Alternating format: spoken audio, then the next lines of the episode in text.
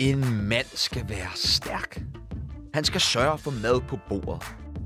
Han skal beskytte sin familie. Nej, nej, nej, nej, nej, nej. En mand skal være følsom. En mand skal turde være sårbar. Og han skal give sin familie følelsesmæssig stabilitet og tryghed. Eller hvad? Det kan være svært at navigere i, hvad man skal kunne som mand i dag. Oven i det klarer vi mænd os generelt væsentligt dårligere end kvinderne. Vi overrepræsenterer i selvmords, misbrugs og kriminalitetsstatistikker. Vi mænd har desperat brug for hjælp, hvis ikke vi skal udslette os selv. Jeg tror, at mandlige rollemodeller muligvis kan være en del af løsningen. Derfor har jeg besluttet mig for at finde ud af, hvilke egenskaber en mandlig rollemodel anno 2021 skal besidde. Det gør jeg ved at snakke med en række forskellige mænd, der i mine øjne enten selv er rollemodeller, eller leder efter dem ligesom jeg. Mit navn, det er Sebastian Peebles, og du lytter til Jagten på de mandlige rollemodeller. Anders Hård er journalist, forfatter og tenniskommentator. I starten af året proklamerede han i en artikel i Information, at han havde fundet sin mandlige rollemodel. Og det fik selvfølgelig mig op af stolen. Anders fandt sit forbillede i One Hit Wonder Joshua Caddison, der i 1993 hittede med sangen Jesse. Jeg må personligt indrømme, at Joshua Caddison ikke umiddelbart slog mig som værende en mandlig rollemodel. Derfor tog jeg snakken med Anders om, hvorfor lige manden bag den sukkersøde flødesang blev hans idol. Lige præcis den her artikel, det var simpelthen bare, den kom til mig, da jeg hørte den på en køretur, ikke? og så pludselig sad jeg bare freestylet omkring, var den egentlig vild, den sang her. Jeg tror, min interesse for sådan mænd og manderoller og sådan køn i det hele taget, er nok vokset ud af sådan en opvækst, hvor øh, det ikke sådan gav sig selv for mig at, at være dreng, eller hvad man skal sige. Jeg var, jeg var meget sent udviklet. Altså sådan, at jeg begyndte i gymnasiet uden nogen former for kropsbehåring, skulle jeg til at sige. Ikke? Så jeg var virkelig sådan, det lignede, at nogen havde taget deres lillebror med. Eller sådan. Og, øh, og det var, ja, det var selvfølgelig meget svært. Meget formative år, hvor hele sådan kønsspillet for alvor kommer i gang. Og, og hvis man så på en eller anden måde er kønsløs, øh, ja, så det synes jeg, det synes jeg var svært, og det det gjorde, det var, det tror jeg, at det, det, det sendte mig meget op i mit hoved for at forstå, hvad alt det her køn var, hvor jeg kunne se mange af mine kammerater, de kunne bare ligesom leve det, altså til festerne, og hvor det ellers udspillede sig så øh, blev det sådan en analytisk ting for mig. Jeg måtte prøve at forstå, sådan, hvad, hvordan, hvordan foregår det, når han gør sådan, når han køber den drink der, og du ved, lægger armen om der, og nu er hun, hvorfor er hun en slot nu, når han ikke er det der? Altså sådan ligesom sådan en slags puslespil eller et regnestykke, jeg prøvede at regne ud. Altså, øh, så, sådan helt autistisk. Ja, ja, det lyder sådan, ikke? Altså, det, der også gjorde det svært, det var, at jeg var egentlig sådan, øh, jeg havde det ret nemt socialt. Jeg var, havde masser af venner, og jeg var god til fodbold og god i skolen, og jeg var med til alle fester. Jeg var med der, hvor det skete, ikke? Og så samtidig så så var jeg sådan helt uden for det der. Ikke? Fordi altså, man kan jo ikke kysse med en, der ligner en femteklasse elev. Eller sådan. Så øhm, ja. Hvorfor tror du, at det er, er vigtigt, at man ligesom har nogle, nogle mandlige rollemodeller? Som ja, ung mand, altså nu ved jeg jo blandt andet, at jeg fandt mand, der beskæftiger dig jo meget som, mm. selv som ung mand, og så ja. altså og tror, det, tror du overhovedet, det er vigtigt? Ja, det tror jeg da. Det, jeg tror, det er super vigtigt. Altså, jeg synes også, jeg kan se på, på mange sådan, af mine veninder og unge kvinder, at altså, den styrke, det giver at kunne sådan, øh, dyrke Beyoncé eller Nadia Nadim eller... Altså, eller Sofie Linde. Sofie Linde. Altså simpelthen, simpelthen have nogen, man tænker, ja, fandme ikke. Altså, og der, øh, jeg synes jeg også nogle gange, når jeg er ude på, ude og holde foredrag, eller snakker med unge fyre, sådan, altså, de virker lidt lost, altså, fordi hvilke værdier skal man sådan pejle efter og dyrke i sig selv, eller sådan, ikke? Altså, øh, mange af de der prominente mænd i det offentlige rum, de er jo, de er jo blevet skudt i sænk, ikke? Altså, det nytter ikke øh, noget bare at være sådan kæmpe hjerne, en pumperkæl, der bare er stor og stærk, eller sådan. Altså, det, det kan være fint nok, men det er ikke i sig selv noget. Altså, fordi nu er vi begyndt at,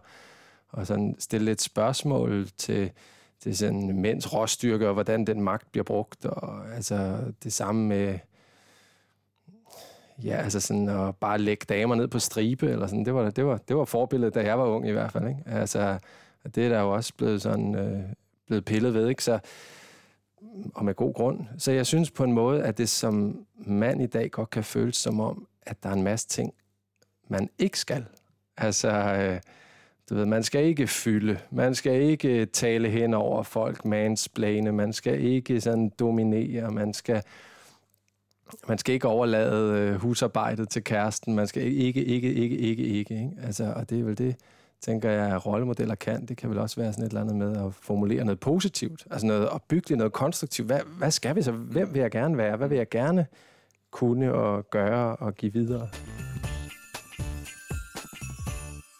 Må jeg spørge dig om noget i den, ja. i, i den sammenhæng? Fordi det er mit indtryk, at du er 10 år yngre end mig, og det er mit indtryk, at, at din generation har lidt nemmere ved det end min generation. Og jeg kunne forestille mig, at din oplevelse har været, at dem, der er 10 år yngre end dig, måske har endnu nemmere ved det end dig. Er, er det rigtigt? Det, det tror jeg er meget rigtigt. Ja. Øhm, og det tror jeg jo egentlig også er den, den overordnede løsning på alle de problemer, som der måske lige er nu for mænd, og det der med at finde sin plads, jamen det vil blive udfaset med generationerne. Mm-hmm. Altså, de vil være så meget bedre stillet til at kunne både, både byde ind med måske nogle ting for de gamle, men især også sådan ligesom de nye mandeidealer, hvis man kan sige det på den måde. Øhm, og det er jo meget naturligt jo, i og med, at der er noget, der kommer mere og mere opmærksom på, og jo ligesom man yngre man får det ind, ikke? Altså, jo. jeg tror for eksempel, ja, vores forældres generation og ældre og sådan, de har jo meget sværere ved at acceptere alle de her nye ting, i forhold til, at nu skal man åbne op som mand, når man skal mm. tale om sine følelser, mm. og man skal kunne vise sårbarhed og sådan. Altså, det kan jeg jo bare se på kommentarsporet for min podcast øh, inde på vores øh, Facebook-reklameside, hvor folk jo bare skriver sådan ældre mænd, ja, jeg savner fandme den gang, hvor mænd de ikke skulle tude, og de ikke skulle ja. det ene og det andet. Ikke? Altså ja. virkelig fået en, en hård medfart derinde af, af det segment. Ja. Øhm, men og det, er jo, det er jo sådan, som det er. Så jeg tror, som du siger, altså, det er klart en, en, en generationsting, og som nok også kommer til at, at blive udfaset. Ved du hvad, jeg tror, når jeg hører sådan nogle, når, når du refererer sådan nogle kommentarer der, så tænker jeg, at, at det, de øh, savner egentlig, altså jeg tror egentlig ikke, det er fordi, at de nødvendigvis synes, der er noget i vejen med, at vi mænd, vi øver os i at ja, kunne være sensitive og sætte ord på vores følelser og sådan noget.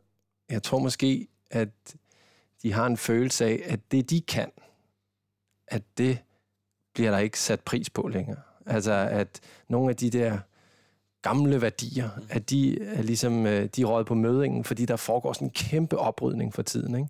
Og nogle gange, når man skal virkelig sådan rydde op i noget gammelt mos, så hvor man bare mm. tømme huset fuldstændig, inden man begynder at tage noget af det, man egentlig godt vil beholde ind igen. Og jeg kunne forestille mig, at det efterlader med sådan en følelse af utilstrækkelighed. Ja. Det må være en sindssygt ubehagelig ja. følelse altså, at sidde tilbage med. Ja, især fordi, at øh, den generation af mænd virkelig ikke er skolet i at kunne sige, jeg synes, det her det er svært. Ja, præcis. Altså, de kan faktisk ja. ikke sige, jeg for, der sker nogle ting i tiden, og jeg, jeg kan mærke, det gør mig usikker. Altså, det kan man jo ikke forestille sig en mand på 60 år at sige nærmest, vel? Altså, det, det er jo lige præcis det. Og, som, og en mand på 60 har måske heller ikke lært, hvordan han skal sige det. Mm-hmm. Eller overhovedet lært, nu får jeg den her følelse ind i mig, om det er utilstrækkelighed. Mm, ja. Fordi han slet ikke har, har arbejdet med alt det, der er foregået inde i ham ja, selv. Ja. Så det, det, altså det tænker jeg jo helt klart er en stor problematik for, for de ældre generationer, derfor det bliver så svært. Nå, nu vil jeg gerne snakke lidt om sangen Jesse, ja. fordi at det synes jeg, altså, det... det du, du, du, du, du, du. Jesse, you can always sell any dream to me.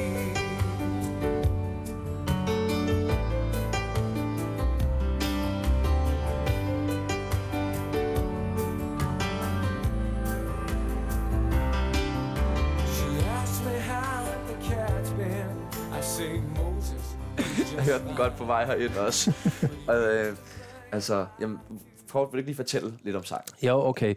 Så altså, det er Joshua Caddison, virkelig, der laver det her One Hit Wonder i, ja, hvornår er det, 93 eller sådan noget.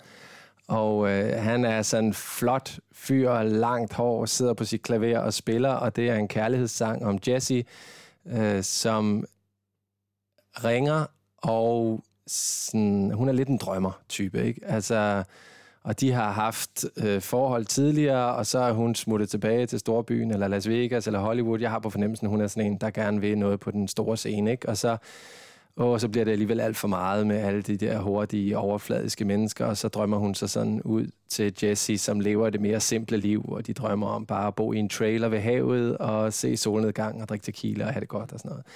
Og, øh, og, ha, og sangen, det er, det er Joshua her, der der ligesom synger, åh oh, nej, nu ringer hun igen, og nu er jeg lige kommet over mig, at hun gik fra mig sidst, og, men okay, ved du hvad, bare fortæl mig om alt det, vi skal, Jesse. Altså, jeg hopper gerne ombord på din båd igen, altså, fordi der er så skønt, ikke?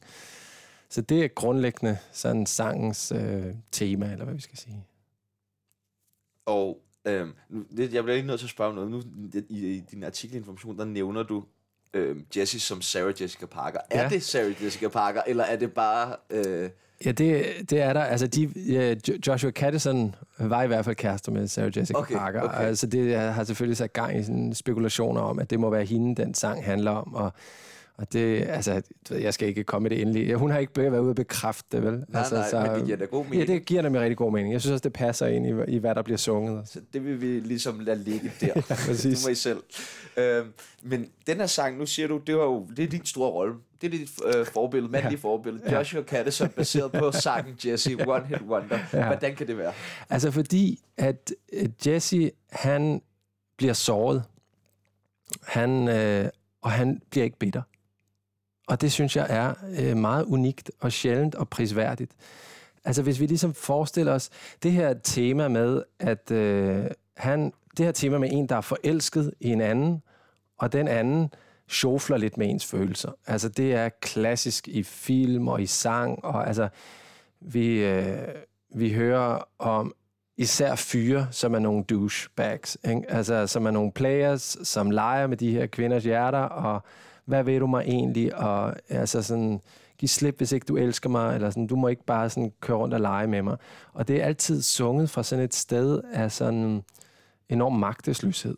Altså, de her mænd, de har sådan jerngreb om dem, eller der er alle mulige billedsprog af, hvor, hvor forfærdeligt det er, at de her mænd fastholder de her stakkels øh, kvinder i sådan en venteposition eller offerposition. Og så synes jeg, det var sjovt at høre Joshua Caddison synge faktisk om en identisk situation. Ikke? Han er fuldstændig forelsket i hende. Han er helt sådan, han giver sig fuldstændig hen til hende, og hun, hun disser ham hver gang alligevel. Og, og han bliver bare ikke bitter. Altså, han står selv på mål for sine egne beslutninger. Ikke? Han er sådan, jeg ved godt, at du ringer du igen, og nu kommer, og det her, nu lover du guld og grøn skov, og jeg tror ikke, det holder. Men altså, for fanden. lad os tage en tur til karusellen, Jesse. Altså, og det synes jeg bare er sådan en, øh, en værdig, maskulin sådan dyd. Ligesom at, øh, at man fucker op, eller man går ind i noget, som er risikabelt, som kærlighed jo er, og så brænder man nallerne, og så siger man, alright, hvad kan jeg lære af det her? Eller sådan, hvad, ikke noget med at skyde skylden fra sig. Og, og, og jeg har jo lyst til at sige, at det ikke er sådan at mænd er ansvarlige, og kvinder de er sådan nogle ofre, eller sådan. Det, det, så, så simpelt skal det ikke gøres vel. Altså, der er også mænd, der synger. Burhan G, han synger også en rigtig klønkesang om at være i offerne på sådan, øh, eller i, i, i en kvindes vold, som ikke rigtig ved ham. Og, og omvendt så, så i, der i artiklen nævner jeg også Anja Andersen som sådan et eksempel på en, der sådan, øh, brænder det afgørende straffekast, og så bare sådan bider bider tænderne sammen, ikke? og sådan samler sig, ikke klynker, bare går ind, okay, så må jeg gøre det endnu bedre i den forlængede spilletid. Altså, ligesom tage ansvar for den situation, man står i. Det synes jeg altså er, det synes jeg er virkelig øh, prisværdigt. Især hvis man kan gøre det samtidig med, at man blotter sig, at man tør føle ting. Altså, fordi en ting er at kunne være ansvarlig på sådan en sportsstjernemåde, eller sådan en cowboy-måde, sådan en stoisk Marlboro-mand-agtig måde der. Mig alene i verden, og jeg har ansvar for alt selv. Og sådan. Altså, det er jo også en meget begrænset måde at være til på som menneske. Men hvis man, som Joshua Caddison gør i den sang, både kan sådan drømme og føle og være poetisk og, og være forelsket og give sig hen, og så samtidig sådan sidde bagefter, når det virkelig har gjort nas, og så bare sådan den her, den tager jeg på min kappe. Jeg lever videre. Men altså, jeg, jeg må sige, sådan, jeg, har, jeg, har, vir- jeg har virkelig svært ved at se det. Altså, jeg har virkelig svært ved at se det. Jeg synes, sådan, jeg synes jo ikke, han tager ansvar. Mm. Spændende, lad mig høre. Ja, fordi at jeg synes jo et eller andet sted, hvis han tog ansvar, så vil det jo ikke... Det virker jo ikke som om, det er en specielt givende relation for ham, og det virker jo også som om, at det er sådan... Det er på hendes præmisser, Ja, altid. ja. Og det ved jeg ikke, om jeg synes, det er at tage ansvar. Øhm, altså, jeg har måske, så kunne jeg sige, hvis han for eksempel havde sagt, Jesse, jeg kan sindssygt godt lide dig, og lad os mødes og gå, og drikke en tur, gå en tur og drikke en kop kaffe, men det bliver ikke mere end det agtigt, og så Ja. på den måde været tilgængelig, men øh, ikke været, altså, jeg synes sådan, det er meget sådan, altså, jeg ser ham lidt vag. Det der med, at han bare sådan drømmer, Ja. yeah. ved, og så kan hun komme ind og bruge ham, når han vil, og som om han egentlig bare er på standby Ja. til, når hun er klar, og, og det er han okay med. Det er rigtigt. Det er okay, og det kan, der kan jeg jo se en værdi i, jeg skal jeg også, men, Ja, den af, den af. jeg, jeg, jeg, jeg, kan se en værdi i den der med, hvor meget han hviler i sig selv. Ja, At han ikke lader det der jalousi, han ikke har en besidderisk, han ikke sådan der er, og det, det synes jeg jo måske, ja, det kan jeg da godt være lidt misundelig på, og synes, der er nogle styrker i de værdier, men jeg synes, der er et eller andet sted, at det er sådan, jeg synes ikke, der er så meget sådan til ansvar, så meget sådan power i det, og sådan, altså jeg tror, jeg vil sige, jeg kan følge dig i det tilfælde, at Jesse var sådan en, som havde en bestemt drøm om livet, som for eksempel bestod i at få sig en familie, og få sig nogle børn, og få sig et stabilt liv på den måde. Og at det ville han rigtig gerne gøre sammen med Jesse, men hun blev ved med sådan at holde ham hen. Og så gik han der og var bare sådan øh, altså i venteposition og kom aldrig videre med sit eget liv, fordi han lod sig sådan hive frem og tilbage af hende. Det kunne jeg følge dig, men det er faktisk mit indtryk. Sådan som jeg læser Joshua i den her sang, så har han ikke nogen opskrift på livet. Altså, jeg ser ham som sådan en, der meget lever i nuet og er klar på det eventyr, hun tilbyder ham, og altså i øvrigt er glad og ikke går og venter på, at der skal komme en øh, special someone og gøre hans liv fuldendt eller meningsfuldt. Altså, og lige nu, der er Jesse simpelthen bare det bedste bud. Altså, han elsker den tid, der er sammen med hende, og selvom den så ikke bliver til noget, så har den værdi alligevel, fordi det er ikke kun, hvis et forhold fører til 1,7 børn og et hus på en villavej, at det har værdi. Det kan også have værdi at, at tage på den øh, måneskins safari i sig selv. Altså, han, øh, men det er rigtigt, han er sådan en, en drifter eller en drømmer, eller sådan, men det synes jeg også, han tager ansvar sig for at være.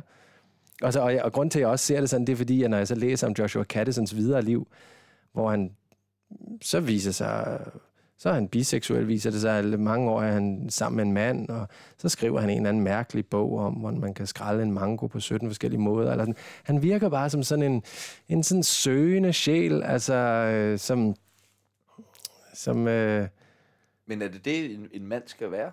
Jamen, jeg synes ikke, en mand skal være noget bestemt. Jeg synes bare, en mand, han skal mærke efter, hvad der er vigtigt for ham, og så skal han øh, selv stå på mål for, om hans liv ligesom former sig ud fra, hvad der er vigtigt for ham.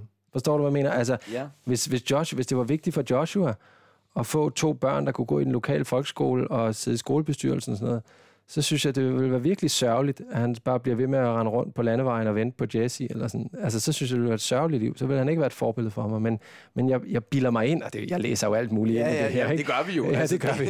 Altså, jeg bilder mig ind, at han, øh, at han er sådan...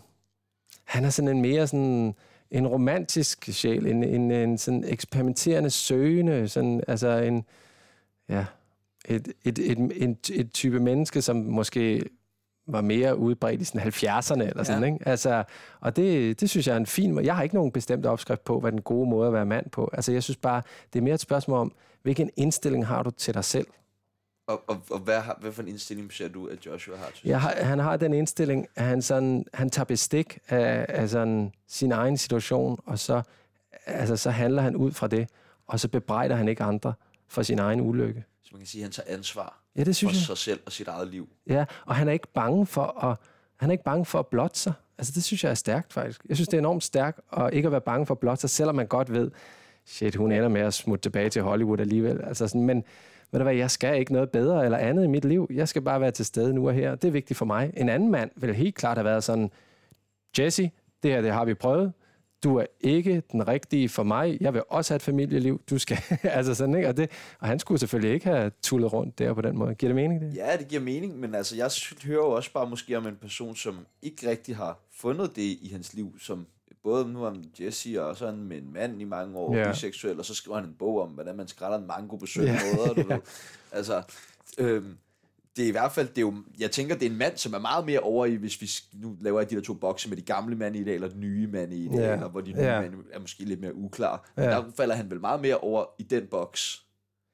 Ja. Eller hvad? Altså, du tænker sådan en blød mand, sådan... Ja, og sårbar, og i gang med at tale om sine følelser, du ved, og det er ja. måske ikke, hvor jeg, jeg vil sige, hvis man går ud for de gamle det, så er det jo sådan en, der har et klart mål med ja. sit liv, der ja. præsterer, øh, og ligesom får et godt job og en stor bil, og sørger for sin familie, og sådan, du ved, og også meget ja. måske det der med familie også ligesom er en, en, en, en, et fundament for de gamle ja. øh, mandeidealer. Ja, om det kan jeg virkelig godt følge dig i, at altså, hvis jeg hører den, sådan, det billede, du har af Jesse, så er han sådan, han er lidt sådan en lille sejlbåd ude på havet, der bare mm. bliver blæst derhen, hvor vinden nu blæser. Mm. Eller sådan.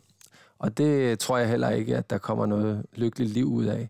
Men det er egentlig heller ikke sådan, jeg læser ham, fordi der er en styrke i ham, synes jeg. Altså man, man får ikke udgivet et album, eller hvad man skal sige, uden at have en vis sådan, have et vist temperament og vilje og målrettighed. Og man får heller ikke, man får ikke skrevet en bog uden ligesom at, at have en eller anden sådan retning eller sådan. Altså, så, så jeg kan godt følge dig i, at altså hvis vi to nu her skal sidde sådan og snakke os frem til sådan nogle, nogle fede mandeidealer, at så er det den der evige balance mellem at, at ville noget og at føre det igennem mm. og realisere ting, ikke? og så samtidig ikke ligesom reducere sig selv til sådan en, der ikke kan andet end at lægge en plan og udføre den, lægge en plan og udføre den. Fordi det, der er i simpelthen at lægge en plan og udføre den, det er jo også, at det gør det skide svært at lade sig bare blive ramt af livet og føre, blive ført med og give sig hen til øjeblikket. Altså,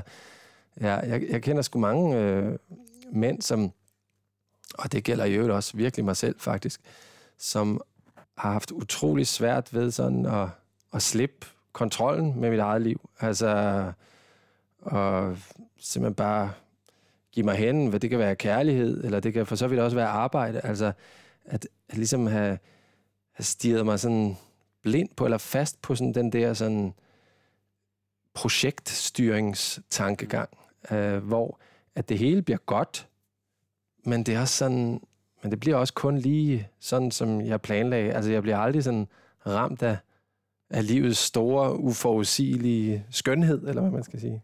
Så det, jeg egentlig hørte sige lidt, det er, at det, det her med, at man skal være, kunne være nuanceret. Man skal kunne lide det hele. Man skal både kunne være den store drømmer, der ligesom tager på impulsive eventyr, men man skal ligesom også kunne sætte sig nogle mål og have noget stabilitet og så videre, eller hvordan? Ja, ja det, er den der, det er den der kombi af, du ved, både at have nogle ordentlige cojones, ikke? Mm. Altså, og så, og så også bare sådan kunne lade sig slå ud og glide med og blive ja. båret, eller altså, og at man kan veksle mellem de to sådan tilstanden og, og mærke efter, hvornår er der brug for, at jeg gør det ene, og hvornår er der brug for, at jeg gør det andet. Mm.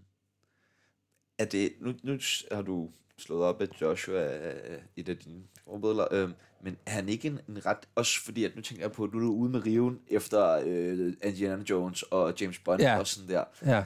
Men de er jo vel også nogle mænd, som hvad kan man sige, er lidt frie, og de øh, ligesom ja. tager ansvar, du ved, og handler Øh, sådan, der er vel nogle af de sådan, ting, som Joshua også er god til, de gør det jo bare på en anden måde, måske. Ja. Men, men, men hvorfor, hvor er det lige, de adskiller sig Jamen, det kan jeg egentlig godt følge dig i. Altså, ja, det synes jeg er meget sjovt at tænke på Indiana Jones som sådan en, en figur, der på den ene side er sådan du ved, målrettet, dygtig, faglig, specialiseret, og samtidig meget åben, ikke rejser ud og på opdagelse. Og lade sig rive ja, med. Og, ja, og lade sig rive med. Så på den måde kan jeg godt se, at der er nogle værdier. Altså det, der jo selvfølgelig er problemet med ham, eller især med filmen, er, at, at Altså, det foregår jo bare virkelig som sådan en hvid mand herover, yeah. verden. Ikke? Altså, så det er egentlig, egentlig så synes jeg jo, det er synd at have mistet. Jeg, jeg synes jo, Indiana Jones var fantastisk, ikke også? Men det er svært i dag at sidde og se Indiana Jones og James Bond, uden sådan at krumme lidt tær over, over nogle ting, som vi er blevet mere opmærksom på, på grund af alt muligt antiracistisk mm. arbejde og postkolonialisme og sådan noget. Altså, men det, det ændrer jo ikke ved, at, at der er nogle virkelig gode værdier i de her karakterer også, som lidt bliver skyllet ud med badevandet. Og det er det, jeg hører, du er inde på. Ikke? Altså, kunne de ikke også noget, Indiana Jones og James Bond? Jo, det kunne de da helt sikkert. Og jeg synes, det er totalt værdigt, at vi laver sådan en mandeklub, som du og jeg har nu her, som vi skal blive bedre til at have, hvor vi sidder og prøver at sådan... Øh, pille, øh, hvad hedder det, gløderne ud af ilden, eller hvad? altså finde, finde det, som var godt ved de gamle guder. Fordi der var mange ting, der var gode ved de gamle guder, men ude i det offentlige rum lige nu, der er de gamle guder bare nødt til at blive slagtet midt over det er klart, det er jo, men der kommer måske, det handler måske også lidt om skuespillerne bag os i nogle situationer, ja, jo, jo, jo, altså, jo. som er, du ved, det er lidt, og, men øh, så er der noget, som er ens for dem alle sammen, synes jeg. Det der er, jeg tænker, der er ens for alle de her figurer, Indiana Jones, Joshua og James Bond, de er jo ret endimensionelle. Ja. Et eller andet sted nu, fordi vi sidder jo nu og læser ja. en masse karaktertræk ind i dem, og ja. overanalyserer, som var det dansk stil i gymnasiet. Øhm, at, at, at, at det er et godt forbillede? Er det, er det nemmere at forholde sig til, fordi det er endimensionelt, så kan man lige plukke nogle enkelte værdier ud hos dem, eller er det Hvordan? federe, at man måske har en, en rigtig person, som ligesom står frem som mandlig rollemodel, hvor du får hele pakken, hvor du både får fejl og mangler, og øhm, i stedet for, ja, som, øh, som jo mennesker jo naturligt vil være mere, have flere nuancer til det, ikke, end en karakter jo. i en film eller i en sang. Jo, altså, ja, Ja, jeg kan i hvert fald godt have lyst til... Altså, jeg synes jo... Jeg synes, det er fedt med rollemodeller, som ikke er bange for også at, at ligesom stå ved deres skrøbelighed og deres usikkerhed og deres tvivl. Altså, og det, øh, ja, det, det, det finder man måske ikke super meget af i James Bond og Indiana Jones. Jeg har savnet enormt meget i min opvækst, både som ung og, ja, og, sådan, og også efterfølgende, at have nogle ældre mænd at snakke med, faktisk. Altså, jeg synes, jeg synes det var svært at være teenager i starten af 20'erne, og, og kun ligesom have andre gutter og høre om, hvad sex var, og hvad parforhold var. Og, altså, fordi det bliver sådan noget lidt øh, smart i en fart, hårdt pumpet, sådan lidt praleagtigt. Altså, øh, og ja, der gad jeg bare godt, øh, at der var lidt mere sådan, at man havde sådan en rigtig storbror, storbror, eller nogle relationer, eller til en onkel, eller en far, eller hvad ved jeg. Altså, som, der er sådan en scene, som jeg virkelig synes er fin i Captain Fantastic. Det er, det er en af mine yndlingsfilm. Ja, den er fed. Den er så fed. Ja, den er helt vildt ja. fed. Det er en dårlig titel, synes jeg, men filmen er virkelig god. Jeg, jeg kan huske, da jeg så titlen, så tænkte jeg, hvad, det lyder som en eller anden sådan... Uh... Superhelt. Ja, ja, præcis. Ja, min ekskæreste, hun gad ikke se den i en lang periode, fordi hun var sådan der, det, det er en superhelt, ja. før jeg så ligesom fik fortalt til nej, der ja. handler om noget helt andet. Jamen, den er, den er fremragende, ikke? Og det er Viggo Mortensen, som som har hovedrollen. Og jeg kan virkelig godt lide der, hvor mod slutningen, hvor han sender sin ældste søn afsted til Europa. Og så siger han sådan, øh, han giver ham sådan et par forskellige råd i, i lufthavnen der, og, og et af dem lyder noget i retning af, at øh, altså, øh, første gang du har sex med en kvinde, så altså, be gentle, eller sådan, og, og tag dig godt af hende, også selvom du ikke elsker hende, siger han sådan, ikke? Og det er meget sådan enkle, fine ting, men hvor jeg bare tænkte, fedt mand, altså fedt ansvar at tage på dig, Viggo, og sådan give nogen gode værdier videre, fordi det er der sgu ikke nogen af ham fyrens kammerater, der siger til ham, vel? Altså, der er det da bare sådan noget med, ja, ja, er da sindssygt, ja, hun var så grim, men så bad, tog jeg en pose ned over hovedet på hende, eller hvad ved jeg, et eller andet sådan smart øh, nederen snak, der bliver fyret af. Og det, ja, det vil jeg sige, det, det, det håber jeg, at jeg selv sådan, hvis jeg kommer til at være i sådan nogle relationer, hvis man har en nevø, eller et eller andet, altså ligesom tør sådan give sådan nogle gode, sunde ting videre det er i hvert fald også noget, som jeg generelt har savnet meget i mi- mit liv. Altså, at der ligesom har været nogle voksne, som egentlig har givet en nogle råd i forhold ja. til, hvordan man skulle agere i, andre, i forhold til andre mennesker, og i relationer ja. med andre mennesker. Ja. Altså, det er jo meget sådan noget, jeg husker også nogle ting, hvor man du må ikke slå, og du må ikke uh, svømme en time efter, du har spist. ja, præcis. Ja. Du skal huske at til dig morgen og aften, sådan der. Ja. Det er sådan man har fået tudet ørerne fulde af.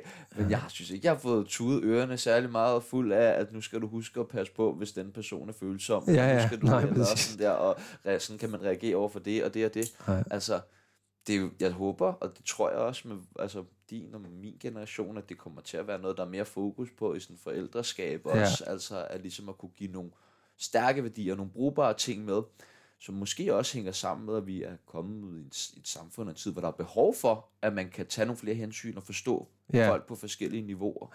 Ja. Øhm, det her til sidst. Har du Mhm. andre gode rollemodeller, du gerne vil af med?